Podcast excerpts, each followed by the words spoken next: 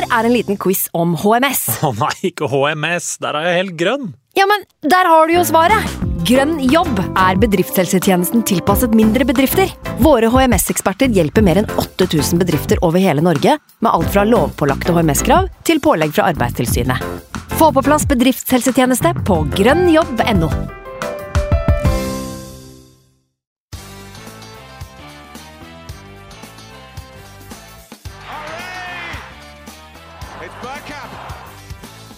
for grabs now! The next station is Arsenal. Velkommen skal du være til en splitter ny episode med Arsenal Station med Magnus Johansen og meg, Simen Goffeng. Etter et dørgende kjedelig 0-1-tap mot eh, Manchester City, så er vel det eneste riktige spørsmålet å stille, Magnus, eh, hva føler du nå? Det er et godt spørsmål eh, med et kjedelig svar, fordi jeg føler egentlig ingenting. Eh, Det er eh, Det er det. Guardiola, Guardiola trekanter som har eh, kvalt uh, meg, og det er sikkert de fleste andre, inkludert deg òg, i dagens, uh, dagens eh, som du kalte det, søvnige affære. Ja, jeg syns dette var eh, Det var vel litt sånn fra start, egentlig, eller før kampen begynte. Bare kjente at dette her er jo egentlig en bonuskamp. Det var i hvert fall sånn jeg så på det. Her uh, forventer jeg ingenting, men man håper jo selvfølgelig, og så får du den trøkken etter et minutt rett da. Da var det bare å pakke sakene og finne på litt andre ting mens man hadde kampen stående på i bakgrunnen. Det var, eh, det var liksom ikke så veldig mange ting som skjedde underveis som gjorde at man løpte tilbake for å få med seg det som skjedde heller. Så nei, det her var eh, Det er vel sånn at 0-1 ser bra ut på papiret, men eh, Eller greit nok ut, i hvert fall. Men jeg tror ikke vi skal la oss lure allikevel, for det var en stor forskjell på det vi så fra de to lagene utpå her i dag, altså. Det var kattens uh, lek med musen, egentlig. Og um, det eneste øyeblikket hvor jeg følte mye, var uh, når uh, City tok ledelsen. For det føltes fryktelig tungt akkurat der og da. Fordi det er jo en, en motstander som helst aldri i verden gir bort en ledelse. Ikke Mm. slipper i mål omtrent i det hele tatt. Og måten det kom på i tillegg, var eh, Det stakk litt. For det var eh, Det snakka liksom om å være, være påskrudd fra start da, og gi Mm. deg sjøl en sjanse. En, Kall det en umulig kamp å, å få noe ut av utgangspunktet.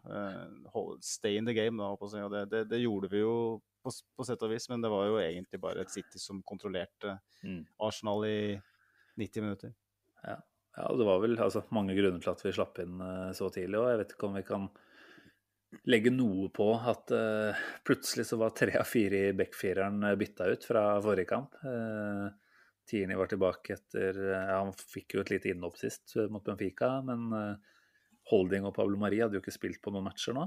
Og plutselig så var uh, hele den gjengen tilbake. og Da kan du vel kanskje begynne å spekulere om det var noe ørlite med denne matchintensiteten da, som ikke var helt på plass. og Da, da blir du selvfølgelig straffa knallhardt når ikke, når ikke den, er på, den enkle, elementære biten der er på plass fra start av. Eh, Hva tenkte du om eh, lagoppstillinga? Var du overraska? Jeg må bare si jeg var egentlig litt sånn Ja, dette blir spennende, tenkte jeg når jeg, når jeg så laget en time før kamp. Men eh, i etterpåklokskapens lys så, så var det kanskje lite grann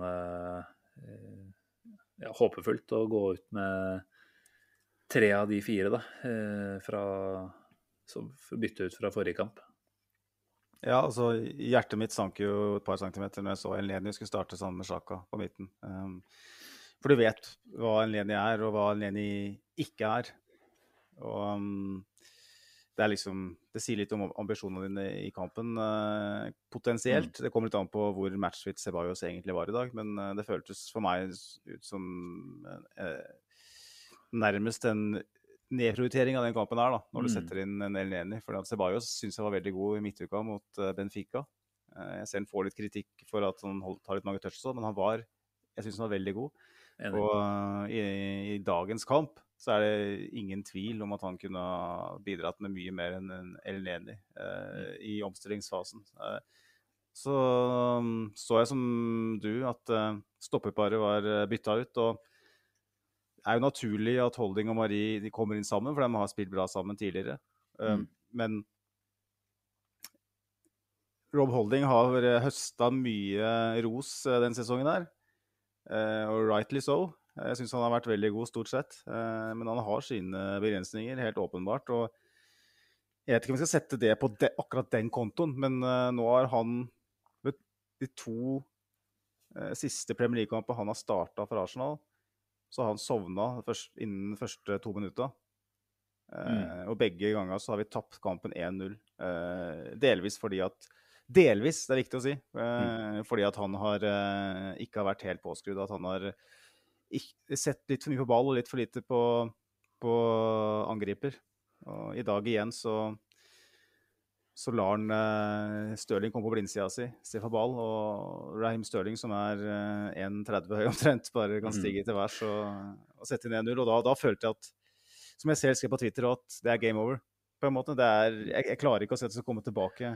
Det er et lag som Arsenal som kunne ha snudd én kamp i Premier League hele sesongen. Mens Manchester City, som vel ikke har tapt en eneste eh, kamp av de de har skåra først. Og da føler du at det her Ja, den motbakken som var ganske bratt, den var vel egentlig 90 grader rett opp eh, plutselig. Altså, man ser liksom for seg mange måter å slippe inn mål eh, på når du spiller mot City. Og når du får Stirling på heading etter ett minutt, eh, da tenkte i hvert fall jeg at faen heller, her kommer vi til å få mange i sekken i liksom typisk City-stil med rask kontringsspill og Eh, det var vel egentlig bare å innstille seg på at det kunne bli en skikkelig bekmørk dag, dette her, da. Eh, veldig enig med deg at Holding må ta mye ansvaret på den baklengs, baklengsen her. Og så er det klart Tinio, som vi er godt fornøyd med stort sett, var Han fikk for så vidt en vanskelig jobb mot en Riyad Mare som var i veldig god form, og vel har vært det i en periode med han òg.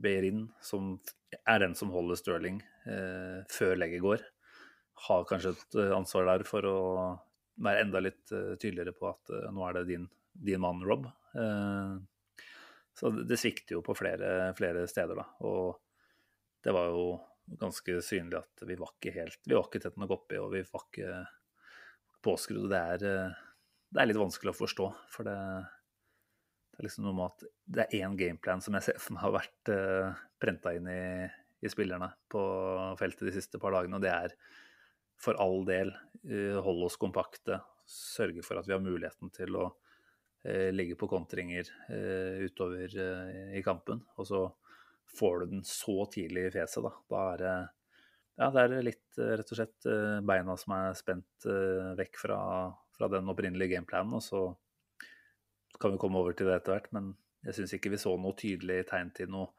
stor forandring da, utover heller. Så det var også skuffende. Men, eh, men som jeg er inne på tidligere, City er vel i en egen liga omtrent. Eh, nå er det vel ti poeng foran andreplassen. Har vunnet i 18 kamper i alle turneringer. Det er helt ville tall. Eh, mm. Så jeg vet ikke. Igjen, hva føler vi? Jeg føler som det er ganske lite. Men jeg føler at vi står igjen her med en viss respektabel I hvert fall ende på det, da. selv om prestasjonen var ganske tvilsom og begredelig. Så, så, er det et resultat vi i hvert fall ikke trenger å skamme oss over, og som ikke ødelegger for mye av det vi har bygd opp da, de siste ukene. For det, det har jo tross alt vært mye positivt uh, over en lengre periode nå. Jeg tenker at uh, et skikkelig nederlag i dag, det hadde vært med på å få mange ganske usikre spillere som vi har, da, til å bli veldig veldig usikre nå de neste oppgjørene. Mens 0-1 mot City, det er til å leve med. Og det i hvert fall tror jeg at ikke vi får noe sånn mentalt handikap inn mot uh, fortsettelsen. Så det, vi får prøve å se det positive òg, da. Er det noen andre positive ting vi kan ta med oss fra i dag, da? Si det. Uh, det var jo en periode mot slutten av første omgang hvor vi eh, tidvis eh, i alle fall evner å komme oss inn i farlige soner. Eh, mm. Venstresida vår med Tierney, Saka og Sjaka eh, funka, funka, bra. Sakas eh, bevegelse inn sentralt som gjorde plass til Tierney gang på gang. Eh, jeg følte at den normalt sett eh, presise skotten hadde, ikke hadde fininnstilt eh, siktet sitt i dag. Eh, mange halvveis svake legg. Eh, til og med noen som bare havna bak uh, linja. Uh, og en, uh, en Bukayo Saka som kanskje må gjøre litt for mye. han blir den ene du har, har håp om at kan finne på nå. Mm. Han er vel Skal vi si han hadde tre driblingsforsøk, alle vellykka. Det var den eneste Arsenal-spilleren som var over én. Og han er åpenbart den ene som kan, kan gjøre noe. Og, og det funka bra på venstresida. Jeg syns Granit Xhaka gjorde jobben sin veldig bra i, i den, si, den offensive delen av spillet hans. Altså. han gjorde sin del av jobben veldig bra. Eh, men så mangla det en annen spiller som ligger litt ute til venstre, som ikke helt hadde dagen på jobben. Eh, i Aubameyang. Og en Ødegaard som òg Ja, det er vel lov å si at han ikke hadde en god dag på jobben òg? Ja, det er klart han, han får jo vanskelige arbeidsforhold, han òg. Det er klart å spille foran en såpass ja, Nå vil jeg ikke si at som du sier, Chaka var ikke dårlig i dag, men han og Elneni sammen gir oss i hvert fall veldig lite. da. Jeg tenker at å spille litt foran de i en 4-2-3, det er ikke optimalt, det. Og, eh, men altså Ødegaard isolert sett skulle også gjort det bedre, og du føler jo kanskje at han rett og slett var et lite nummer for liten i den kampen her. Eh, men det kan man si om de aller fleste av spillerne våre. Og eh, når en Aubameyang eller PP har dagen, så skal jo de absolutt kunne eh, hamle opp med i hvert fall utfordre City mer da, enn det vi fikk se i dag. Og det er jo kanskje Jeg må si at de to skuffa meg kanskje aller mest. da. Det er der du igjen bør kunne forvente, særlig fra Aubameyang, da, en både innstilling, som jeg ofte sier. Altså jeg syns fra ganske tidlig jeg kunne se at han labba rundt på 35 og ikke hadde så veldig store planer om å presse. Sikkert etter en viss form for instrukser, det òg. Jeg bare blir litt overraska over at ikke det blir mer det kroppsspråket som jeg tenker man er ganske avhengig av å sende ut da, som eh, kaptein for å prøve å mane resten av gjengen til uh, å få litt tro på dette her. Det, det, det, klarte jeg liksom ikke å finne i Aubameyang gjennom hele kampen i dag. Uh, og det er vel igjen den typen han er litt, da. Men, uh, mm. men i mine øyne så var det kun Saka da, som så som man tenkte at jeg tror faktisk på det. Jeg tror at det er muligheter for å få til noe mot Manchester City. Og det, det er litt trist. Altså. Da blir jeg liksom Hvorfor det? Er det bare erkjennelsen av at eh, det er et lag vi møter i dag som er i en ekstrem flyt, eller er det Arteta som har en litt defensiv eh, tilnærming til den kampen her i forkant, og liksom det skapes en slags uh, uovervinnelighetsfølelse. Uh, altså det motsatte, da. At vi er uh, Vi tenker at City er uovervinnelig, nesten, i måten vi går inn mm. mot i den kampen her. Jeg vet ikke, altså, men det bare ja, mangelen på tro da, følte jeg var så slående fra, fra starten av. Og ja, ja City er et verstinglag å møte. I det. Mm. Jeg syns, eh, jeg syns, det er et godt poeng, og vi kan, vi kan, godt, eh, vi kan godt, nevne litt sånn uh, inngang til kampen uh, defensivt òg. Som jeg òg syns uh, tyder på, på det, det, du er inne på. Vi rygga veldig mye. vi lot uh, bl.a. De Bruyne, Cancelo og Gündogan spiller som har åpenbare kvaliteter, da, som kan finne en medspiller hvis, hvis hun får et god tid. Hun fikk så mye tid med ballen. Mm. Og jeg følte liksom at det var ikke noe sånn, der, sånn som det var mot City i FA Cup-semien i, i, fjor sommer. Da, at, at, vi var overlegne i duellspill i felt og, og sånt. Og var, jeg, vi var ikke vi var ikke på den uh, Skal jeg si, vi var, vi var, ikke der i dag. Og den passiviteten da, som førte til at vi havna bak uh, egentlig allerede etter ja, to minutter, da, og for så vidt uh, kunne ha blitt både to og tre hvis vi hadde vært riktig uheldige. For det, vi lot dem jo bare ha ballen. Og flere ganger hvor jeg så De Bruyne helt alene med 20 meter foran seg mm. på banen, selv om vi lå kompakt defensivt. Jeg tenker at De Bruyne han er så ekstrem, da. At uh, de ballene han uh, trer på, det, det er uh, ingen andre i Premier League som, som spiller de, de gjennombruddsballene. Det er ingen andre i Premier League som har den rappheten i innlegga og den presisjonen i innlegga som De Bruyne har. Vær så snill å sette en mann på han, i det minste. Altså, vær så snill, uh, Sørg for at det er en i press når De Bruyne har ball. uh, utafor 16-meteren. Det var det ingenting som tyda på at vi hadde i dag. Det var alle rygga, ingen tok ansvar. Ingen gikk i press. Uh, og når da Raheem Sterling, uh, som uh, på ingen måte er et brick shithouse, som Rob Holding kalte Adama Traore, får lov til å stige opp helt umarkert i feltet og, og skåre vinnermålet, så, så, føler jeg jo at det handler litt om innstilling og mentalitet. da. Mm. At man ikke helt tror på at det her er, er mulig, uten å ta vekk noe fra kvaliteten til, og nivået på City. Mm. Ja, nei, og det blir jo altså det, Spørsmålet man stiller seg, er jo er dette inngangen til kampen, eller er det bare spillerne som ikke gjør det de får beskjed om? Og Arteta sier jo etterpå, og da er det vel egentlig ikke noe spørsmål, at det er frustrerende, da, fordi man snakket om det i forkant. Vi, hadde, vi måtte ut, uh, komme ut av blokkene eh, veldig sterkt og overbevisende, men så gjorde vi det motsatte, og vi tillot dem masse tid rundt boksen. Uh, og hvis du vil vinne mot City, så kan du ikke gjøre det. Så jeg tenker jo det er vel åpenbart da, at ikke Arteta ba spillerne om å være så passive som det vi fikk se. Og det, det er jo for så vidt godt å høre det, men uh, da er vi litt tilbake igjen, da. Er, er Aubameyang, bare for liksom å ikke ta han, men det er noe med at han starter Han er første uh, forsvarsspiller når vi ikke har ball. Er han riktig mann å sette sitte eh, på topp i en kamp som det her. Eh, vi snakka vel om det tidligere i en annen pod, at eh, mot et lag som City så trenger vi en spiller som har mulighet til å holde på ball, og som er dyktig i det høye presspillet. Da. ser vi jo for så vidt ofte at Aubameyang kan jakte ned en keeper som får litt lang touch. Men han er liksom ikke noen sånn typisk ja, pressende angrepsspiller som enn Martinelli her, da. Og jeg vet ikke hva vi måtte kunne fått av Lacassette i den kampen her, men om ikke noe annet så hadde vi i hvert fall fått ganske friske bein, da. Eh, Lacassette har jo sittet på benk nå i tre, tre strake kamper.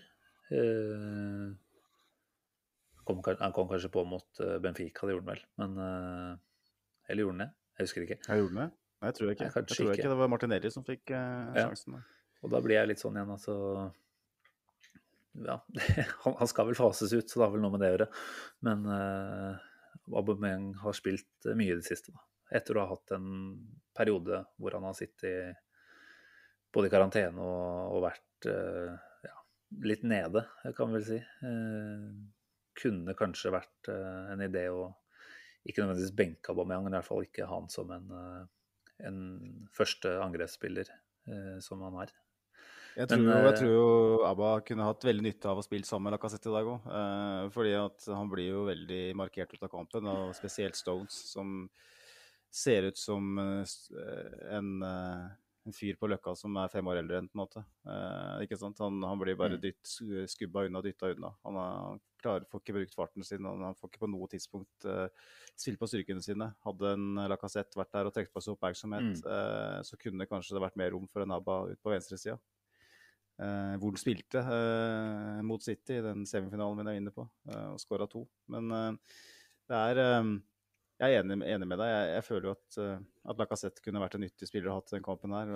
hatt en outball, som det heter. en som kunne ha brukt når du faktisk vinner ball, i stedet for å hele veien måtte spille ballen tilbake til stoppera og begynne å brodere deg ut på kanten. Mm. Så Men jeg det kan godt hende, som du sier, at det handler om å, at Arteta nå holder på med en sånn utfasing av, av Lacassette. Og sånn sett, på sikt, eh, er det rett å gjøre det. Ja. ja da. Det er uh, mange gode grunner til å gå videre fra Lacassette. Men uh, ja. Og det er vel kanskje noe med at vi hadde en tanke om at dette er en kamp vi uansett ikke kommer til å hente noe i. Uh, la oss være ærlige. Det er det er vel kanskje verdens Eller nå er det vel per i dag det beste laget i verden. Den formen de har, og den uh, måten Guardiola har fått de angrepsspillere til å klikke nå, uten en uh, ren nier-spiss. Uh, det er jo ekstremt vanskelig å spille mot, rett og slett. Kunne man jo selvfølgelig hatt et ekstra håp om at nettopp Arteta var mannen som skulle knekke den koden der, da. Men om han gjorde det, så gjorde i hvert fall ikke spillerne det. Så det er vel rett og slett bare å erkjenne at City er, eh, som jeg sa før eh, sesongen, bare for å dytte inn her, eh, de er det beste laget i ligaen. Det er vel ikke noe vei tilbake for noe annet lag nå.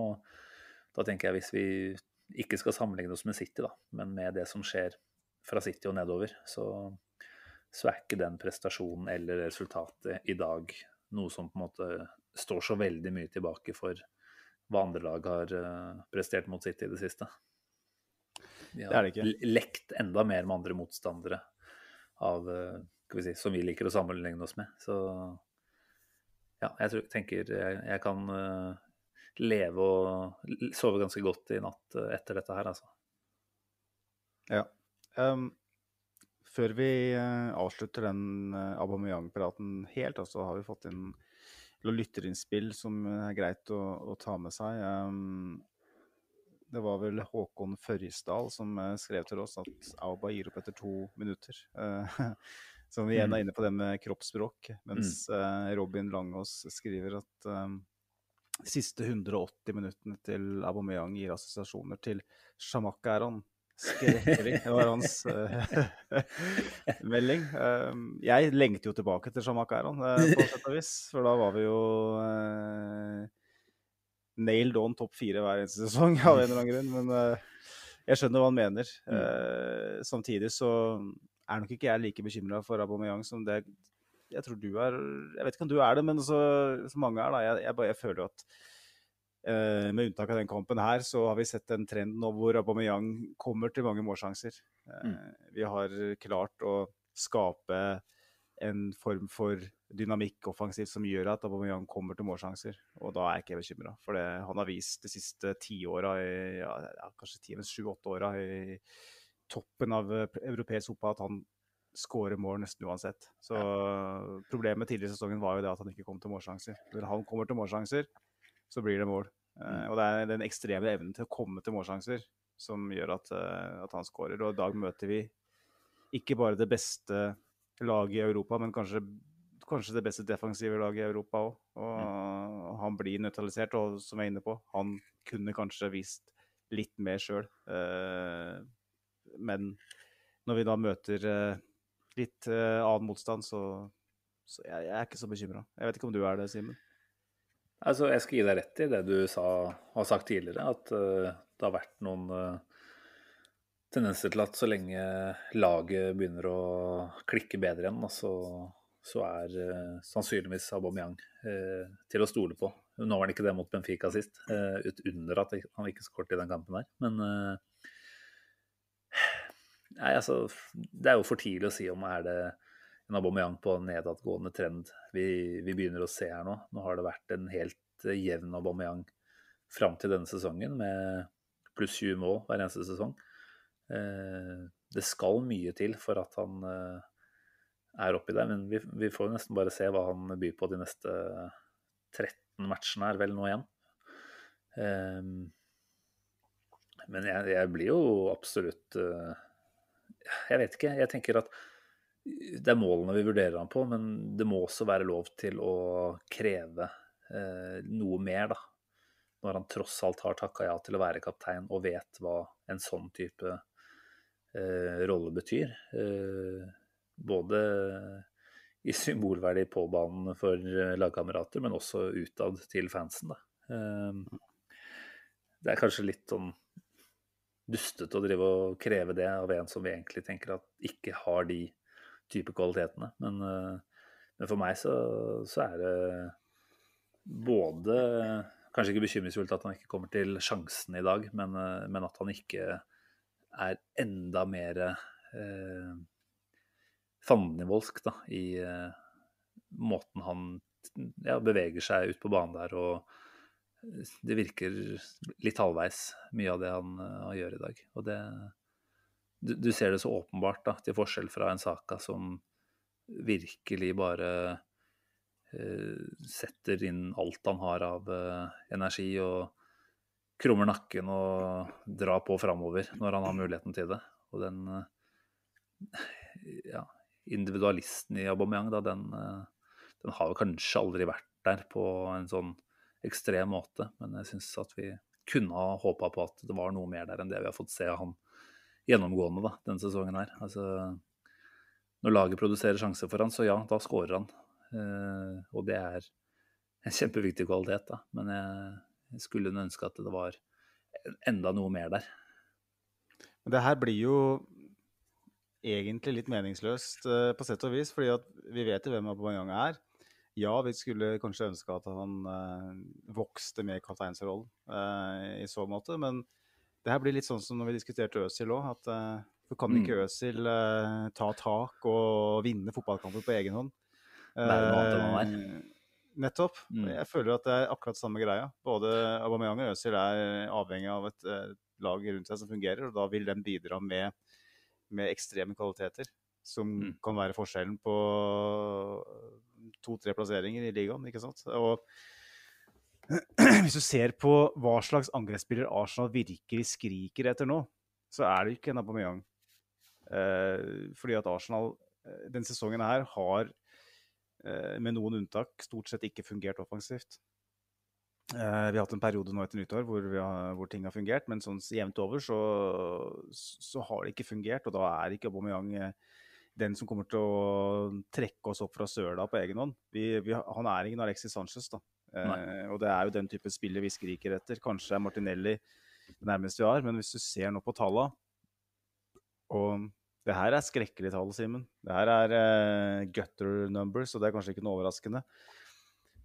for vi har jo sett vi har jo sett det her utspille seg foran øynene våre. Men Arsenal har gått av banen. Gått av banen, ja. Det er et uttrykk, det òg. Arsenal har gått av banen for, et, for en statistikk. Uh, Arsenal har uh, forlatt uh, gresset ti ganger. Ti av 25 ganger i sesongen her uten å score i Premier League. Mm. Det er ganske skremmende. Og bare for å poengtere det før folk sitter og roper at ja, men vi hadde jo en dårlig periode, og den er vi gjennom nå. Skal vi se, for det Tre av de her har vel kommet i, i løpet av de siste fem hjemmekampene. Så vi kan jo tegne på den måten at seks, seks av de, poeng, seks av de kampene hvor vi har gått mål og Savana, har vært på hjemme tre av, tre av, de igjen har vært i løpet av de siste fem eh, hjemmekamper. Så det har vært etter uh, nyttår. Det var vel siden Palace-kampen mm. i slutten av januar. Så det har, det har vært uh, en statistikk, det har på en måte vært en statistikk som preges av det som skjedde før jul, men det er på, vi er på ingen måte friskmeldt. For det er en del kampbilder som Arsenal rett og slett ikke makter å skåre mål på. Det er mm. mot dypliggende blokker. Og det er i sånne type kampbilder når vi møter overlegen motstand, som rett og slett kontrollerer oss. Det gjelder jo selvfølgelig mange flere, men vi, vi mangler åpenbart noe som vi snakka om litt før sending, Simen, som sikkert du kan oppsummere bedre enn meg. Men det handler om at kan vi ikke gå litt mer rett på? Mm. og ikke brodere som vi skulle vært syerske? Ja, nei, du tenker jo at fotball kan være ganske enkelt da, iblant. Så er det vel noe med at fotballspillere som eh, ikke gjør annet enn å tenke på hvordan kommer man mest effektivt til mål, finner litt for kompliserte løsninger på det. Og kanskje treneren vår har et lite ord med i laget der. Arteta er vel muligens en type man kan eh, kalle for en uh, fotballtenker, da. Som ikke tenker at uh, less is more nødvendigvis. Jeg tror vi kunne hatt godt av å hatt en sånn type tilnærming i noen flere kamper. Altså virkelig bare pepre, da. Altså ikke nødvendigvis innlegg fra kant, for det, det, har vi forsøkt, og det er ikke nødvendigvis noe suksessoppskrift. Men bare rett og slett gå rett på. Bruke fysikk, eh, skyte. Håpe at det skapes situasjoner eh, derfra. Da. Ha en ja, litt mer eh, offensiv innstilling fra tidlig. av. vi har sett i noen kamper hvor det har vært eh, ja, mer rett ut fra startblokkene eh, tidlig. Men da har det også kanskje vært mye eh, finspill som har vært eh, målet, da. Men jeg syns kanskje ikke det i seg selv er noe vi skal ta an på. For det, det er noe vi som supportere ønsker å se også. Eh, at vi spiller oss ja, fram på en, på en viss estetisk måte, da. Men jeg føler at iblant så kunne det vært noe med å bare kaste kaste alt framover og vise mer desperasjon. Eh, og det er noe jeg har tenkt oss at vi bør kunne gjøre tidligere i kampene, og ikke nødvendigvis vente til, eh, til eh, 85, sånn som vi gjør i dag. Da. Det er jo først da f.eks. en Ceballos kommer på. Jeg føler jo det er et ganske beskrivende bytte, da. At du ikke erstatter en eh, Elneni som du vet at ikke bidrar med noe framover. Det er kanskje å gjøre det litt for enkelt, da. Men uh, du venter til det 85. Da, før du får på en Ceballos som da egentlig ikke rekker å spille seg inn. Det Nei, jeg, jeg, ikke, jeg har ikke lyst til å være altfor negativ etter i dag, for jeg tror det er viktig at vi bare kaller det en one-off mot verdens beste lag, rett og slett. Eh, og tenker at vi Det var en damage limitation i dag som var en, en del av fokuset, helt åpenbart. Eh, så Ja, altså, det er jeg enig med det. Ja, Men- allikevel så men altså- ønsker jeg jo at når vi ligger under 0-1, og det er 75, da tenker jeg at 0-2, det tåler vi fint. Da er det noe med å heller kjøre på med litt mer fyrverkeri framover, da, og håpe at eh, det går an å presse seg fram til et eh, par hjørnespark som det går an å omsette da, på et eller annet vis. Jeg fikk jo tankene tilbake til denne 1-1-kampen på Etiad for en del år tilbake, hvor vi også kommer under et eller annet tidspunkt i første omgang, men er i kampen, da. Og Korsielny var det vel som utligna på et hjørnespark mot slutten der, da. Og det er jo en sånn type greie man gikk og håpa på i dag òg, at eh, ved å bare ligge under med ett mål, så var det en vei tilbake. Men vi benytta oss på en måte aldri av den eh, livlinen som lå der, da. Vi fikk aldri noe reell sluttspurt i det hele tatt. Så jeg vet ikke. Hva tenkte du før jeg avbrøt deg igjen? Nå satt jeg og tenkte på det erigerte lemmet til Alex Song. Eh, for det var det snakk om eh, god opplevelse på Etiad. det var, eh, når jeg, var, jeg var jo der på plass i 2011 når vi vant 3-0. Jeg lurer på om det kan være siste gangen vi har Nei, vi vant jo selvfølgelig 2015 òg. Når, eh, Ja. Apropos erigerte lem, da var det hakket før det var noen flere. Men eh, det, har, det har vært eh, vært noen gode resultater. Men vi har jo et hva skal jeg si, da? I unntak av den FA Cup-kampen mot uh, City på Wembley nå, så har vi begynt å få et uh, City-syndrom som veldig mange andre har òg. Så mm. det er liksom Det handler om etter hvert om en sånn psykologisk greie, da. At, føler jeg at, at de spillere som har vært med på det en del ganger nå, begynner å kjenne igjen tegna. At ja, de, de er rett og slett ikke de har ikke troa på det. Og det, når Teta sier det han gjør, da, så, så er vel det beskrivende. At det, det handler vel, vel, så mye om, om, om spillere. Og når Mohammed, Mohammed El-Neni eh, vel avslutter førsteomgangen med 100 treffprosent på eh, pasninger, og i tillegg eh, Det var en moment der hvor, eh, hvor han vel fikk en, en, ball eh, rundt eh, rett foran midtbanen, var det ikke det? Altså, mm. Både Beirin og Ødegaard hadde masse plass å løpe inn i, og så velger han å snu og slå i støtte. Og jeg bare... Ja, jeg og det var det andre, andre øyeblikket hvor jeg følte litt den kampen der. Da følte jeg litt. Grann. Det var ikke noe erigert lem, for å si det sånn. Det var et erigert, uh, erigert knyttneve som hytta litt. Uh, jeg tenkte det her, det her det er jo veldig sånn symptomatisk for uh, hvordan vi angrep, uh, angrep kampen på, syns jeg. Mm. Ja, nei, jeg vet ikke om vi kan si at Arteta på en måte får som han fortjener. Altså Hvis han ønska å se noe annet fra de spillerne utpå der i dag, så setter han i hvert fall opp flere av de i posisjoner hvor du på en måte ikke kan forvente at de gjør så mye annet enn de gjør. da. Uh, så det er vel på sett og vis ikke de store overraskelsene vi ble stilt overfor her i dag. Det er uh, mye som er sånn forventa. Vi hadde jo sikkert håpa på enda litt mer Ødegård-show. Men som uh, Ola Sandberg skriver, så han skriver bl.a. at det var en utrolig svak kamp på Ødegård. Som stort sett bare skriker og peker defensivt. Uh, jeg kan vel ikke huske at det var mange spennende involveringer fra han heller, så spørsmålet er om han skulle også vært ja, putta litt uh, på en litt annen uh, plass på banen, rett og slett. PP var jo helt usynlig ute på høyresiden. Og, mm. Man begynte jo, ja, man begynner jo å tenke litt, da. Kun, altså Man ser et City som virkelig altså Igjen, det er jo et innarbeida kollektiv som ser knallbra ut. Men det er en uh, rulleringsevne da, på hvem som er hvor rundt på banen. Så Bernardo Silva vandrer, Stirling vandrer, eh, Gündogan er overalt, foran og bak. Kunne man liksom ha håpa på en litt større fleksibilitet da, fra, fra Ødegård, fra PP, fra Aubameyang, som hadde vært vanskeligere å forholde seg til for City. For jeg syns jo at vi ble ganske lette å forstå seg på ganske kjapt, da. Ja, og det var vi vel inne på forrige episode òg, Simen, at uh, angående det med PP, da, at um, Eller Ødegaard, først og fremst. At uh, i den kampen mot Leeds så spilte han jo på samme side som Saka, som er veldig enkel å spille med, mens mm. PP er litt mer sånn virri-virri-vapp. Uh, du vet ikke helt hvilken, hvilke retning det går med han.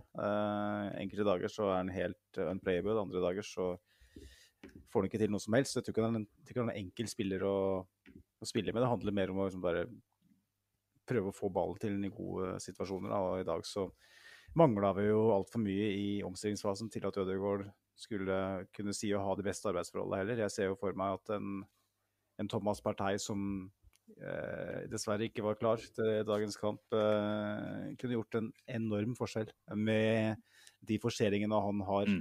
eh, i midtbaneleddet sentralt. Eh, du så jo når Arsenal angrep, som vi var inne på tidligere, i den kampen her, de gangene hvor vi var faktisk eh, hva skal jeg si, ja, skapende eh, til en viss grad, var jo når, vi, når Sjaka slo de ballene i den der venstre kanalen mm. offensivt mot Saka Eriterni. Det er jo det ene vi hadde. Uh, vi hadde ingen mulighet eller evne til å spille oss gjennom sentralt. Og det føler jeg at er en formildende omstendighet for Ødegaard òg. At han ikke har den spilleren bak seg som kan mm. evne å skape romma for han. Og, uh, situasjoner for han. Han blir hele veien uh, satt i situasjoner hvor han enten er feilvendt eller med oppasser i rygg eller ved siden av seg. Altså, han, han, får ikke tid, da. Og han hadde vel én situasjon i første omgang hvor han, uh, han, han, blir så tett markert, men han klarer likevel å, å spille en på entouchpasning gjennom til Aubameyang, som er litt mm. grann for mye til høyre, er det vel, som gjør at uh, Diaz uh, stopper den. ja, den går vel litt bak Aubameyang, ja. Men uh, det var faktisk bare noen centimeter om øret, så hadde han vært uh, clean through der. Nettopp, og da gjør jo Ødegaard det rett. Han, er i, mm. han finner den plassen, og han slår den på én touch, og det er Jeg syns det er lovende, da. Ja. om ikke annet. Nei da, det er fint at du eh, bemerker det, for det kan fort se seg litt uh, blind på det ene eller andre synet. Men uh, nei, det var vel kanskje ikke Det var ikke bare dårlig involvering, i hvert fall. Det var det ikke. Uh, nei, jeg tenker altså vi skal ikke pine lytterne gjennom altfor lang prat om den kampen her. for det, det var egentlig litt lite å ta tak i, spør du meg. Det var rett og slett dørgende kjedelig, dette her, altså. Eh, Stian Børling er enig, skriver at det er ikke mye positivt i kveld. Han syns at vi så farlig ut de siste ti i første omgang, men ellers var det for treigt. Og så legger han til det som vi har vært inne på, at City er en klasse for seg selv, så de gjør nok ikke mer nødvendig når vi ikke utfører mer. Og det er vel helt riktig at hadde det mot formodning skulle kommet et uh, utligningsmål fra vår side, da, uh, litt sånn mirakuløst, så hadde man jo en følelse av at City bare kunne slått om omtrent og fått inn eh, et nytt eh, ledermål når de omtrent hadde hatt lyst til det. Mm. Ja, det føltes litt som uh, litt sånn italiensk fra, fra Guardiolas side. Litt sånn mm. når det gjelder det å ikke hva skal jeg si, ydmyke motstanderen for mye. og det er jo kompis uh, Arteta som er i motsatt uh, sjefsstol. Uh, jeg tror vel egentlig ikke at, at, det er noen faktor, men man kan jo begynne å lure. For det. i dag så tror jeg City virkelig mm. hadde hatt lyst. Men så er jo City òg inne i et, et uh, heftig tett kampprogram, og de har vel ikke interessert i å bruke altfor mye energi unødvendig, dem heller. Så Nei, deilig, for dem, og, deilig for dem at, at vi ikke hadde hele dagen i dag, rett og slett. Ja, eh, altså På en måte kan du nesten si at det er liksom ja, Hadde de opplevd at Arsenal var en større trussel, så hadde de også kanskje eh, gjort enda litt eh, kraftigere forsøk da, på å turn the screw eh, tidligere. Og fått inn eh, to og treeren. Men eh, du, du følte at de, de hadde full kontroll på en enmålsledelse i dag, da. Og det, det sier jævlig mye om hvor, eh, hvor eh, veldig ufarlig vi framsto. Så nei, vi får eh, egentlig bare tenke at dette her var en kamp vi ikke kom til å få med oss noe i. og Selvfølgelig hadde man gjort det, så hadde det vært en kjempebonus. Men uh, følte ikke at vi lærte så veldig mye mer, da. Altså, det er lett å tenke at hadde man spilt med han istedenfor han, så kanskje ting hadde sett annerledes ut. Men uh, det blir jo Det blir kanskje litt søkt, ja. Men jeg må jo si at sånn som en uh, Hector Beyer inn i dag var jo var ikke god. Jeg syns ikke han var god. det var uh, Forsiktig, Simen. Jeg har vel eh, stilt noen spørsmål eh, ved ballkontrollen hans. Eh, vi har jo sammenligna med Cedric, og selv om vi har vært kritiske mot Cedric, så har i hvert fall et par punkter vært ganske åpenbare i Cedrics favør. Og Berin var ikke venn i dag altså, med kula. Rett og slett ikke. Og må jo si at uh, når Cedric ble tatt av med 20 minutter igjen mot Benfica i forrige kamp, da tenkte jeg at ok, kanskje det er rett og slett at vi sparer han for å ha mest mulig krutt til, til City. Men sånn er det ikke. Det er litt skuffende akkurat det der. Altså, jeg må si at uh, Beirin er tilsynelatende litt for komfortabel på den høyrebekken der. Så igjen, Arteta kan ikke gjøre alt rett, og han gjør sikkert mye mer rett enn jeg noen gang ville gjort i en samme situasjon, men det er et par valg der som jeg begynner å tenke at vi, vi godt kunne endra litt på for å skape en litt annen dynamikk eh, innad i, i, troppen, og særlig hos mm. et par av spillerne. Ja. Um, vi har jo eh, kommet til 25 matcher nå, 13 kamper igjen. Eh, vi stilte vel sånn halvveis spørsmålet om, på Twitter om liksom, hvordan, hvordan ligger vi an nå med tanke på eh, et syltynt håp om uh, europacupspill neste sesong gjennom, uh, gjennom uh, kvalifisering i ligaspill. Og Andreas Mathiassen uh, oppsummerer det vel greit. Elleve poeng bak Westham. det er flere som er bak Westham, bare for å si det. Men han skriver òg uh, det oppsummerer vel sesongen så langt. Regner med Ariteta har øynene for Europaligatriumf, ikke sjans i ligaen. Um, mm. Er du enig i det, at, uh, at det europaligatoget allerede har gått sånn gjennom ligaspill? Ja, jeg har vel egentlig i hvert fall sagt at jeg vil ikke se på tabellen, egentlig. For jeg tror at det er for mange lag opp uh, nå er vi på tiende og topp seks for Europa. Nå er det vel noe sånn Conference League, eh, eller hva det heter for noe. Sånn der, eh, enda kjipere europacup å være en del av. Det, den Får den i kraft allerede nå? Det, ja, kommer den spill nå? Jeg trodde jeg hadde hørt noe om det, men det er mulig at det er året etter. Men, fy faen, det orker jeg ikke. Nei, for hvis det er Og du er ute og spiller mot Odd Grenland og Hekken, da tar, da, eller? Da tar vi heller en åttende- eller niendeplass. Uh, heller enn den sjuendeplassen, i hvert fall. Um, altså, jeg, jeg, vil som sagt egentlig ikke se på tabell, for jeg tror at uh, for at vi skulle klart å virkelig uh, begynne å blande oss inn, så trenger vi en run på fem-seks kamper nå, med strake seier omtrent. da. Og der, der, tror jeg ikke vi er gode nok, rett og slett. Vi møter for mange gode lag eh, sammenlignet med oss selv. Så jeg vil si at eh, ja, jeg tror europatoget i ligaspill har gått. Og ser jeg på Chelsea og Liverpool, som jeg tror er betraktelig bedre også nå, dessverre. Eh, Everton ser stadig bra ut. Eh, Westham venter man kanskje på at skal klappe sammen, men nå har de et forsprang på oss som da altså er 11 poeng, da. Det er kanskje for mange poeng til at vi tar dem igjen. Leicester ser bedre ut enn oss. Nei, jeg tror ikke vi tar dem igjen. Jeg tenker at hvis vi skal ha ett tabellmessig mål resten av sesongen, da, så er det å komme over Tottenham. Eh, og det bør mm. kunne være mulig. Og det er jo også litt eh, trist å ha kommet hit, men det er faktisk så jævlig deilig å komme fra Tottenham på tabellen, så da begynner vi å nærme oss en ikke godkjent sesong, men i hvert fall noe som er spiselig. da. Og så er det jo bare å krysse fingre og tær for at vi har en lang run i Europa uh, denne sesongen her, som gjør at vi kan uh, i beste fall uh, kvalle til Champions League, selv om det det er klart at du føler jo litt igjen at møtet med Champions League til neste år kan jo også bli litt småbrutalt, sånn som vi ser ut nå. Men uh, altså, det problemet får vi ta hvis det kommer. Det er vel noe vi gjerne omfavner som en utfordring. Jeg tror ikke du skal bekymre deg for det, men jeg har vel vel så mye tro på at vi kan klare topp seks i ligaen som at vi kan vinne Europaligaen, for å si det sånn. Ja. Eh, jeg ser på de som er igjen i den turneringa. Jeg ser på det som usannsynlig um, at vi kan vinne der. Men jeg, jeg tenker i ligaen òg usannsynlig på sett og vis. Men um, mm. den derre Westham purple patchen nå, den, den, kan Det ser ikke sånn ut nå, men den kan plutselig implodere fullstendig. Og da er det en ledig plass der. Uh, Liverpool uh, de taper og taper og taper og taper. Ja, det stopper snart. Uh, ja, jeg vet jeg hører du sier det, men det er viktig at Arsenal i hvert fall gjør sin del av jobben. nå. Du vet aldri. det er seks poeng opp til Liverpool på, på, som ligger på sjetteplassen. og vi har dem hjemme i ligaen.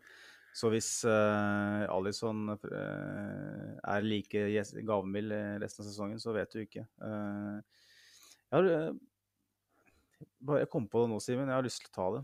Mm. Det her er jo blitt en VAR-podkast, og vi er blitt beskyldt for å være konspir konspiratoriske og alt som er. Men jeg satt jo på lørdagskvelden med skipsbollen og ølen og tenkte å kose meg med en, en fotballkamp klokka halv sju. med Mercyside Derby uh, uten fans. Det var jo dørgende kjedelig på sitt, sitt, vis. Men på slutten der så får jo Everton et straffespark. Mm. Trent uh, Alexander Arnold uh, feller Calvert Lewin. tar han fra en åpenbar skåringssjanse ved et mm. uhell. Ja, for da jo... blir jo på, han blir jo på, løpt på, egentlig, men han ligger der og han, han hindrer den. Det er et uhell, men ing, han gjør ikke et forsøk på å spille ball. Og nå har vi hørt Jesper Mathisen predikere fra sin eh, prekestol eh, på Sørlandet, bibelbeltet, eh, og reglene som er så viktige for alle at det spiller ingen rolle om, du, om det er et uhell eller ikke, så lenge du ikke går for ball og det hindrer, hindrer en 100% sjanse, så skal du ut. Det fikk vi pepra øra proppfulle av, mm. av alt som kan krype og gå av ypperste prester for noen uker siden. I går gult. Ja. Hva sier du? Eh, det første jeg vil si, igjen, er at jeg syns aldri det skulle vært straffespark. For uh, hvis jeg husker den situasjonen rett, så blir han jo rett og slett løpt ned. Han ser jo ikke Calvert Lewin, gjør han det? Uh, han, blir, han, sitter vel sånn halvveis oppreist og ja, blir jo løpt inn i huet omtrent, da. Jeg fatter jo ikke at det i seg selv skal kvalifisere til straffespark, men OK, når det først blir det, da, da er det jo som du sier. Da er det jo en uh, vanskelig forståelse når den ikke blir vurdert til å frata han en åpenbar uh, målsjanse. Um, ja, nei, men likhet for den uh, loven der, den uh, tror jeg vi må se langt etter. Og som vi har snakka om i mye større grad tidligere, at det er et, et slags syn på Arsenal, tror jeg, da som gjør at det kanskje er lettere å tenke at eh, det er et lag som ah, Nei, nå begynner jeg igjen. Faen. Nei, jeg, jeg, jeg, vil ikke, jeg, vil heller ikke nei. gå dit nå. Eh, det, bare, det, handler bare om eh, det, det, er mer generelt, nærmest, om, om uh, VAR. Og du kan jo dra det til altså, ja. utstandpunktet at det handler om en, David Louis, da, som stadig vekk handler i, i situasjoner. Og at det er på en måte lett å tenke at ja, det, for, en dommer at ja, det er David Louis, og da, da må vi fram med, med, det røde kortet. Men det er liksom Det er det der med at man så ettertrykkelig blir uh, instruert om at det var en riktig avgjørelse uh, mot, uh, på Molinjø når mm, Louis mm. blir utvist, og så får du den her da, noen uker senere, som på mange måter nesten er identisk, sånn sett. det er et uhell. Det er en åpenbar målsjanse var, jeg tror ikke David Louis heller så kneet sitt uh, treffe foten til uh, William HC. Og hvis, hvis, de skal ha noe eh, kredibilitet, da, så må de med uh, privilegiet det er å ha uh, teknologien som, som, hjelpemiddel, mm. i hvert fall klare å treffe en, like avgjørelser der. Ja, nei, det er jo Igjen, jeg tror det handler om nivå på disse trenerne, rett og slett. Nei, på dommerne. Eh, for det er subjektive avgjørelser som tas eh, også på varerommet. Og det koker nok eh, altfor fort i topplokket på noen av de ofte skalla. Ikke noe vondt ord om hårløse menn, men det slår meg at mange av de har lite hår. Så kanskje det handler om å hevde seg på et eller annet vis. Og ta igjen. Jeg, vet da søren, jeg. Men jeg kan ikke argumentere mot deg, Magnus. Det er uh, rart å se et uh, skulle tro da, likt lovverk bli tolka forskjellig fra uke til uke. Så det er, uh, det er helt sikkert noe vi kommer til å få muligheten til å prate om igjen, eh, også i Arsenal-relatert øyemed eh, de neste ukene, er jeg redd for. Ja. Det er vel en kamp allerede på torsdag, så Ja, skal vi ta to ord om den, kanskje? Eh, tenker jo at vi har snakka oss eh, altfor godt igjennom eh, City-kampen her nå.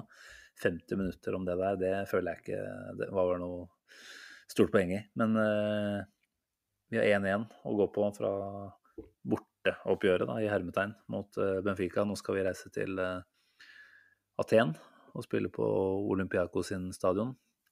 Hva sitter du igjen med av følelser før den? Er det sånn, ja, litt sånn fryktbasert for min del, i hvert fall, kjenner jeg. Eh, ikke klare å drepe den kampen eh, i Roma nå, eh, på torsdag, det er jo frykt for at vi blir bitt i rumpa eh, til uka nå. At det Ja, bommen til Aubameyang, eh, et par av de andre gode sjansene som ikke klarer å omsette, og den litt eh, uheldige straffa vi får imot, da.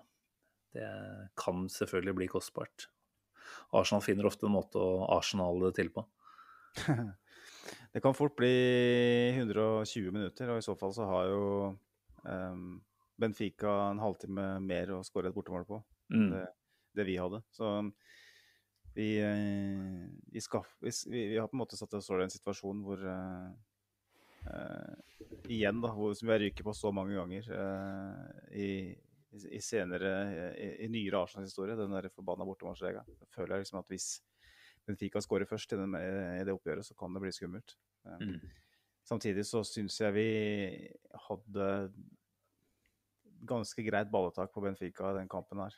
Eh, helt til Benfica plutselig fant ut at eh, Arsenal ikke klarer å skåre mål når de legger seg dypere. For på slutten der så, så gjør de jo det, og da, da, da, da er vi nesten kalde tannløse. Men så føler jeg jo at eh, per nå, nå har jo Arsenal et bortemål, så Benfica det må jo skåre eh, Ja. i det oppgjøret her. Så det passer oss ganske, ganske godt. Så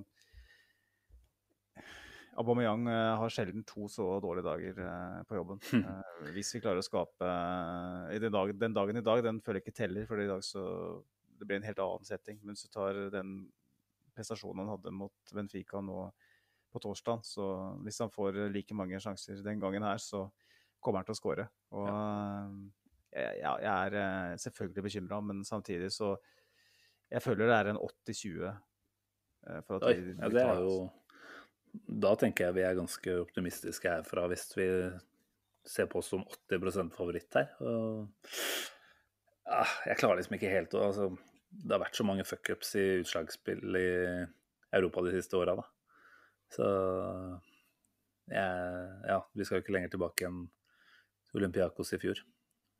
Så um, Nei, stemmer. Vi hadde jo selvfølgelig dem i fjor, da. Jeg håper jo at, håper jo at eh, Sokratis har bedrevet litt god gammel shithousery og gjort noe i bortegarderoben, sånn at den får en liten, liten snag der. Ja, nei, Det blir spennende. Det er jo åpenbart ekstremt viktig. For det er jo litt som vi prata om eh, for eh, en uke tid siden, at de kommende kampene nå, det er jo definerende for om vi har noe særlig å spille for resten av sesongen. Altså I verste fall nå så ryker vi, og da har vi selvfølgelig 13 kamper å gå inn på en eh, best mulig plassering i ligaen, da. Men eh, der er vi Det er såpass mange lag, da, rett og slett, som eh, er involvert i den striden om plassen over oss, at jeg tror vi får en tøff jobb der, altså. Så nei, får virkelig håpe på et avansement i Europa. Så er det, som vi har sett, mange gode lag igjen der. United eh, seiler vel kanskje opp som den største favoritten i Europaligaen. Eh, det hadde vært eh, faen så deilig å spille mot eh, Solskjær i finalen og se Teta få innersvingen på han en gang til. Men uh, det hadde vel kanskje like greit å håpe på at de ryker ut før, uh, uansett. Men uh, nei, du er optimistisk, så hvis du tillater deg å være det, da, da skal jeg faktisk la meg overbevise av det, Magnus. Det er et uh, godt tegn. Uh, da bør jo du ligge på nærmere 98 uh, favør Arsenal, hvis universets pendel er i, i, vater. Altså Skulle det vært normale tilstander her, så hadde jeg vel ja, ligget og pusha opp mot 100. Men det er unormale tider, vet du, Magnus. Så selv jeg som er optimistisk av rang, begynner å kjenne at det får være grenser i dette tilfellet her. Jeg tillater meg å være litt skeptisk. Så håper jeg vi når vi prates om eh, en ukes tid igjen, eh, kan se tilbake på en eh, hyggelig opplevelse. Det er et eller annet med å ha det cupspillet og, og ja, kunne se mot da, hele sesongen. Ha noe som på en måte ligger der som et uh, kontinuerlig mål.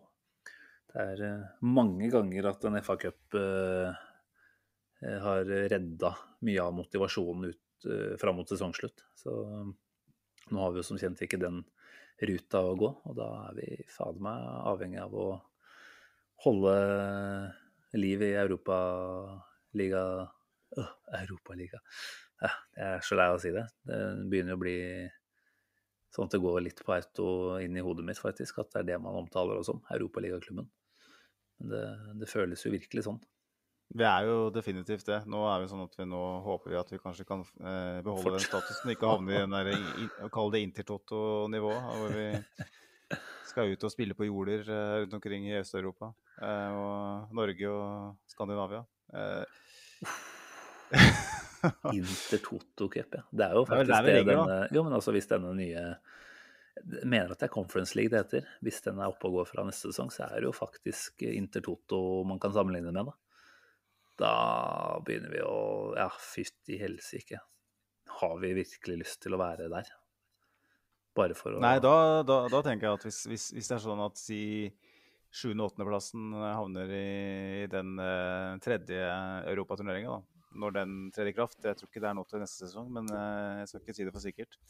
Så tenker jeg jo at uh, da er det innafor å sette inn akademispillere og, og tape. for det, det er turneringer du ikke vil være med i. Det er snakk om å om lange flyturer til ingen nytte. Mm. Og dårlige baner. Altså, du sier seg sjøl, ikke sant. Det, her, det blir en, på en måte en helt annen så da, Vi har vært i Østersund og spilt én gang. Eh, liksom, når du på en måte må gå gjennom en skiskytterarena for å komme til eh, tribuna. Så, så er det, det, er slike ting vi snakker, da. Ja. Så vi får eh, krysse alt som finnes for at vi jo, jeg søka, søkte opp her nå, og jeg ser at det er faktisk fra neste sesong allerede. Så vi får bare krysse fingra for at det er noe vi Da håper jeg heller vi imploderer totalt og havner på 13.-plass enn den sure 7.-plassen. Vi kommer oss til 40 poeng, da, for nå syns jeg Fullham ser skummel ut. jeg syns de var god. Se over skulderen nå. Ja. Nei, men øh, kanskje det er på tide å bevege seg over på litt lystigere Den garantert lystigste sekvensen på den her, Magnus. Eh, ja, jeg bare tenkte vi har, ja. vi har én ting før det. Um, okay. uh, som uh, vi har uh, snakka litt om, var det vel. Um,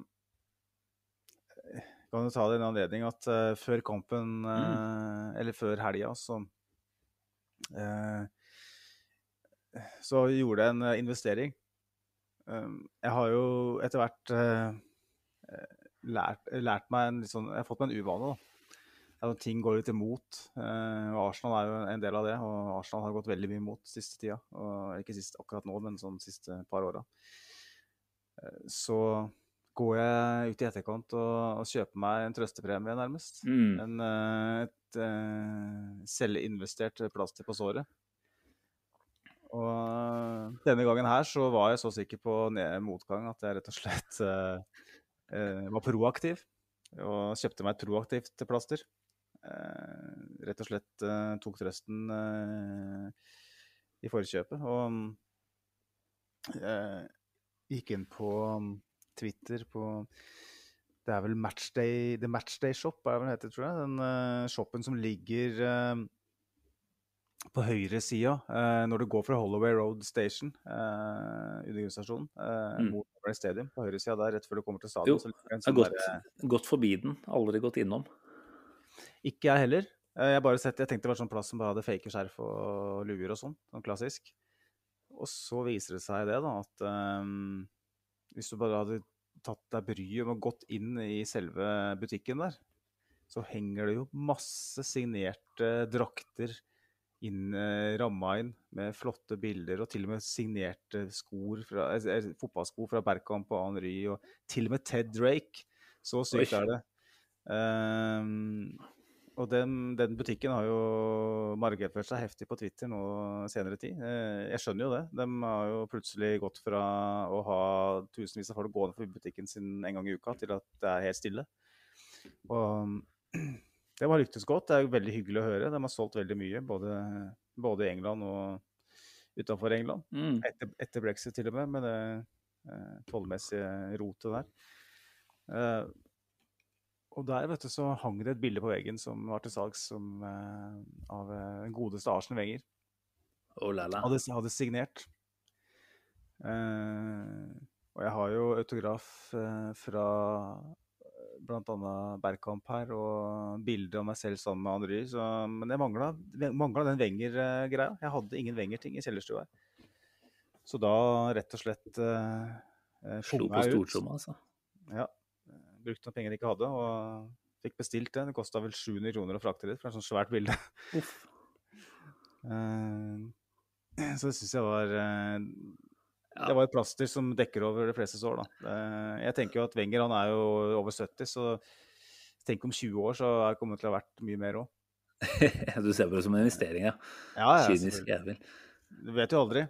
Nei, jeg tenker jo at Så- eh, når du vet at du har en uh, Kam mot City-vente, da, da kan man unne seg hva, Du avslørte vel at det var uh, totalt sett noen, noen tusenlapper det ble. Jeg tenker at det, det får være på sin plass, da, når du sannsynligvis eh, må ned og kjenne litt på nederlagsfølelsen mot Manchester City. Og både Wenger-bildet og litt annet krimskrams var det vel også mulig å få tak i der. Og du gikk vel til anskaffelse av både hva er det?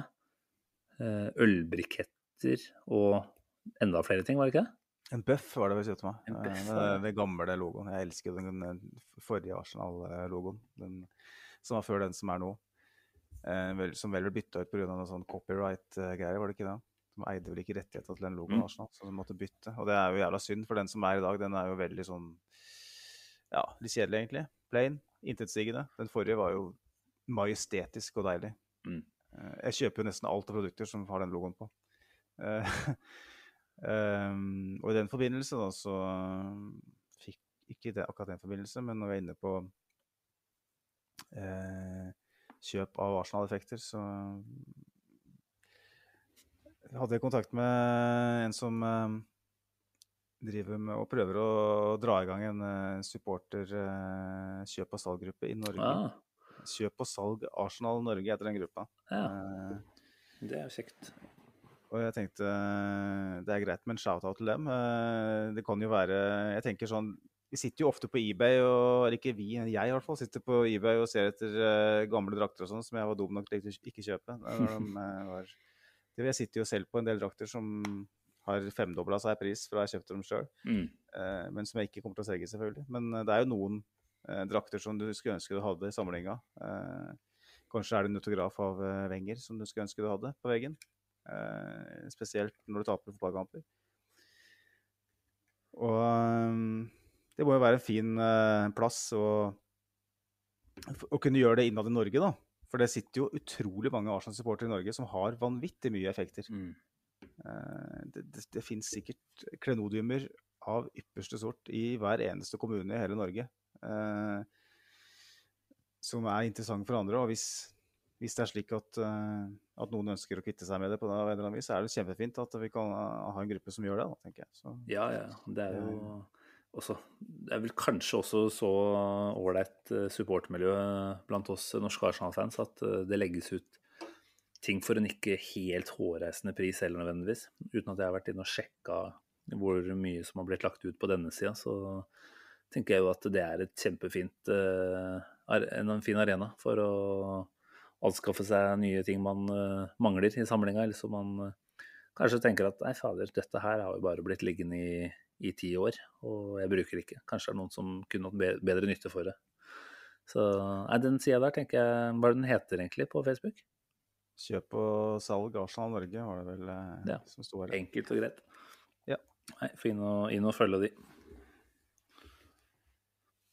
Godt. Da har du eh, fått promotert det som skal promoteres. Eh, da er det én ting som gjenstår.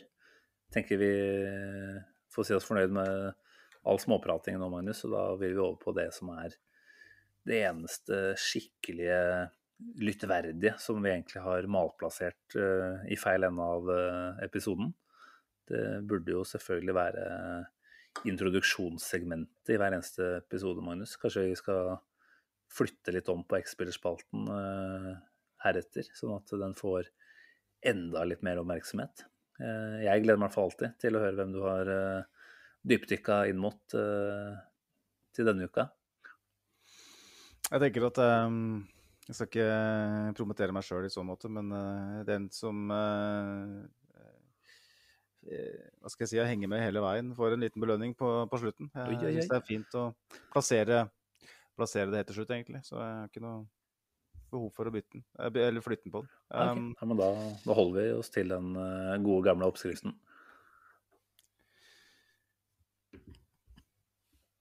Han har egentlig ingen svakheter. Han har fart, fysikk, fantastisk teknikk samt en enestående fotballforståelse. Problemet var at han kanskje ikke var villig til å ofre nok. Han valgte ofte minste motstands vei. Dette sa Ashayen Wenger om dagens X-spiller i et intervju i 2020. Og professorens iakttagelser stemmer iallfall delvis. Allerede 17 år og 189 dager gammel fikk han sin debut i Premier League for Arsenal, som klubbens nest yngste i historien. Den ekstreme fysikken var åpenbar, og ro med ball var en fryd for selv utrente øyne. Arsen Wenger has done it again. Enda en krumtapp fra den berømte produksjonslinjen. Den påfølgende sesongen fikk han plass i Premier League-troppen, og det var nå bare et tidsspørsmål før han dundra ned døra til førsteelveren. Ny femårsavtale ble signert, og nominasjon til det prestisjetunge Golden Boy-prisen fulgte. Det var ingen tvil om at teknikeren var en av Europas fremste talenter. Men så var uhellet ute. Unggutten røk korsbåndet i kneet og mista hele sesongen som fulgte. Utviklingen ble stagga, og ryktene verserte om et stjerneskudd som valgte lettvinte løsninger i rehabiliteringsprosessen. Kanskje var det dette Wenger hadde i mente da han karakteriserte sin tidligere elev. Da han endelig returnerte høsten 2015, eh, ga Wenger ham en stupbratt knaus å bestige. En wake-up call som kanskje ble vel øredøvende. Oppdraget lød som følger. Glem alt du har lært, og ikle deg en stripete uniform tilhørende Arsenal og Wengers ultimate motpol. Fra champagne til seidel. Fra østers til blodpudding. Opphold som leiesoldat hos beinknekkernes gudfar Tony Pulis i West Bromwich venta. Et valg som i beste fall kan beskrives som interessant. En høyhastighetsrakett peila i kaviarkrysset, som Arsenal-sjefen håpa skulle vekke stortalentet, men som i stedet nok føltes som et fengsel for den nybakte stripeuniformbæreren. Han holder ikke nivået, var den hysterisk ironiske beskjeden fra Tony Pulis. Her burde Wenger visst bedre. Dagens X-spiller er ikke en tre meter høy murbrekker med glissen tanngard og håndkle innside i drakta. Det hele endte med fattige ett hinnopp i ligaen for Albion og et fullstendig bortkasta år. To år hadde nå gått siden gjennombruddssesongen, og tvilerne pøste på med bensin til bålet. Det skulle imidlertid slukkes momentant den påfølgende sommeren, da angriperen endte opp som toppskårer for Tyskland i de olympiske leker. Arsenal fomla febrilsk etter fjærpennen og pergamentrullen. Ny kontrakt ble tilbudt, igjen og igjen. Men unggutten hadde allerede blitt forført. Under nesen til Wenger dukka tysk fotballs fremste bakromsforhandlere opp. Bayern München kan aldri la noen andre få gleden av Tysklands gullkalver. Det var imidlertid en kamuflert transaksjon da han offisielt sett gikk til Verde Bremen. Men vi kjenner uglene på knitringen fra mosen. Etter et år i Verde Bremen var OL skarpskytter å finne på Allianz Arena. En utkjøpsklausul på 8 millioner euro ble aktivert. Du lurer ingen, Carl Heinz. En spiller som var beskyldt for å ikke ha mentaliteten for å lykkes, var nå plutselig Arjen Robbens etterfølger. På Bayerns høyreside har vi fått bivåne Arsenals nest yngste Premier League-debutant noensinne. Vi har fått sett ham briljere i Champions League. Vi har fått sett ham vinne Champions League. Og vi har fått se ham ha sitt aller største Arsenal-øyeblikk i Bayern-skjorta da, da han maltrakterte lillebror i deres eget glasstoalett. Fire fulltreffere mot Spurs lar seg høre. Og som han selv skrev på Twitter etter kampen North London is red. Fantastisk meldt fra Serge Gnabry.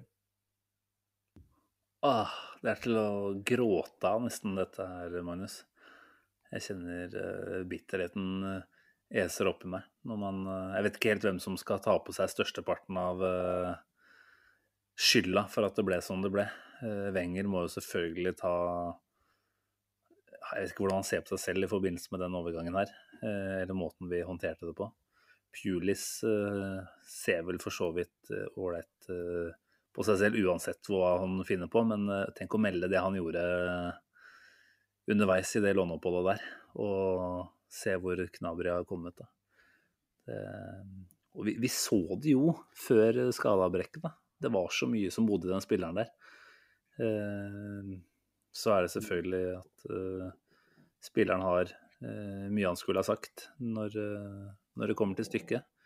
Men eh, jeg er veldig vemodig, rett og slett, når man tenker på at Gnabry kunne skåret fire mål mot Tottenham i Arsenal-trøye, men så er det i den ekle Bayern München-trøya istedenfor.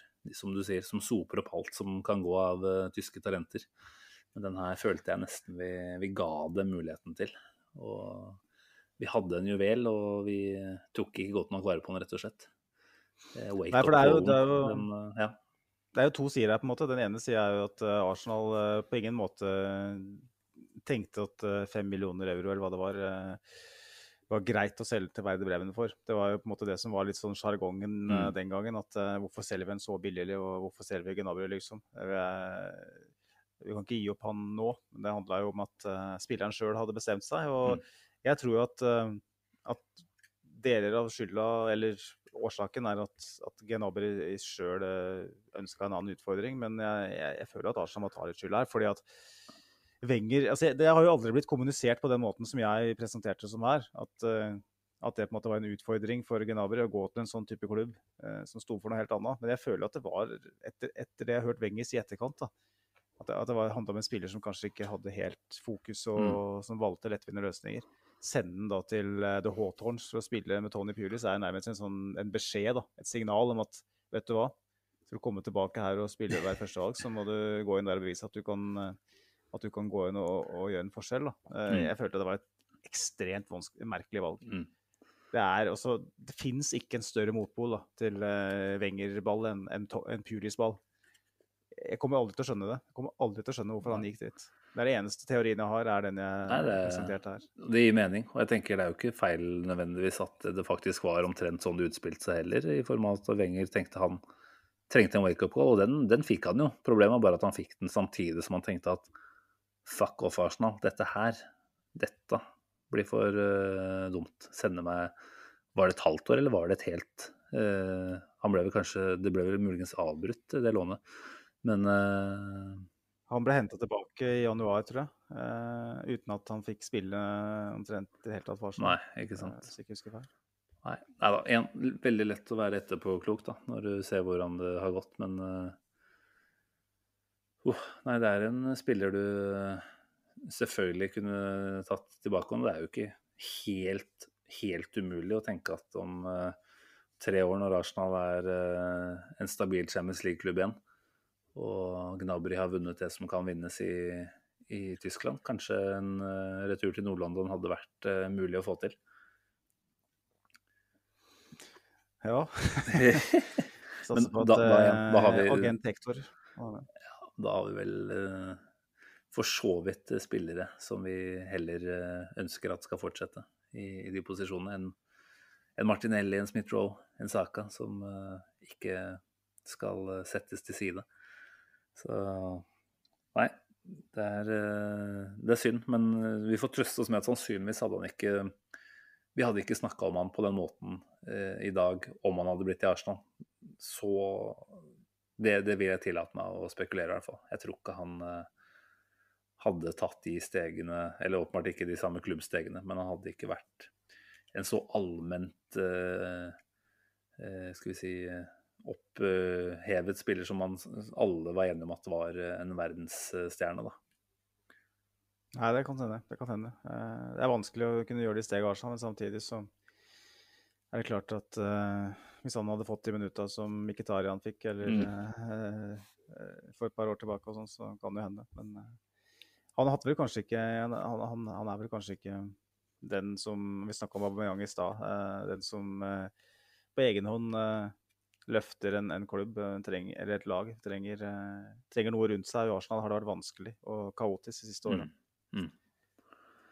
Ja, det har ikke vært eh, kjempeforhold for å vokse opp eh, som ung, eh, ungt eh, akademiprodukt og, og hevde seg. Det, så det vil i hvert fall si at de som kommer opp i det klimaet som man omgitt i Arsenal også i dag, selv om ting kanskje begynner å bli på et bedre vis, de, det, det er noen sterke folk da, som, eh, som ikke har fått alt gratis, eh, eller fått noen ting gratis, for den saks skyld.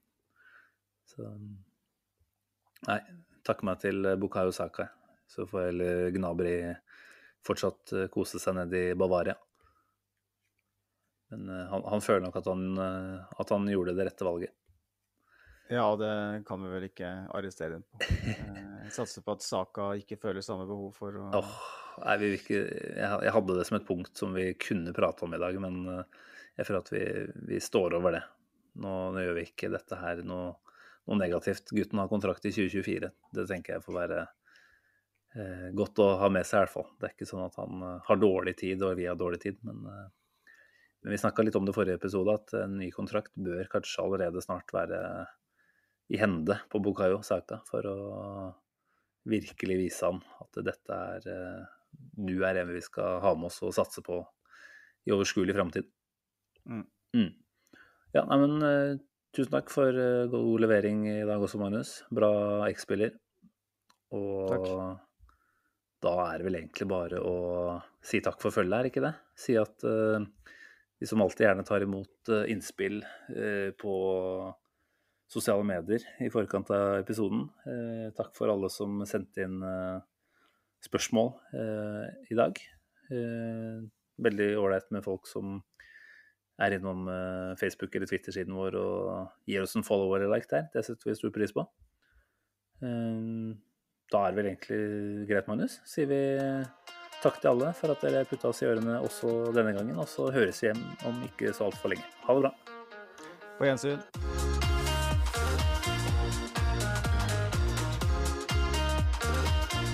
This train terminates here.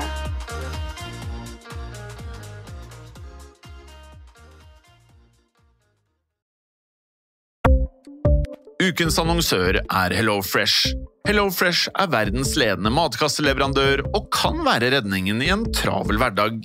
Mange av oss har nok vandret i butikken både sultne og uten en plan for middagen, som ender med at vi går for de samme kjedelige rettene gang på gang.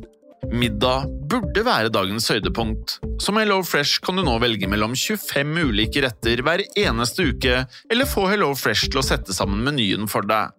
Dette gir deg muligheten til å prøve nye og spennende retter alene eller sammen med familien. Du velger antall porsjoner og får alt levert på døren på et tidspunkt som passer for deg.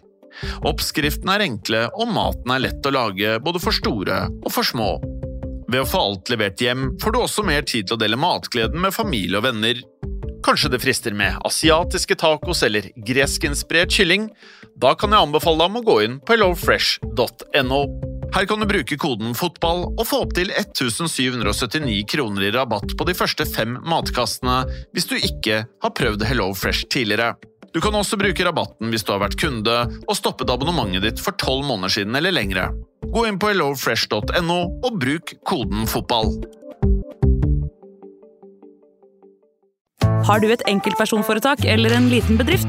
Da er du sikkert lei av å høre meg snakke om hvor enkelt det er med kvitteringer og bilag i fiken, så vi eh, gir oss her, vi. Fordi vi liker enkelt. Fiken superenkelt regnskap.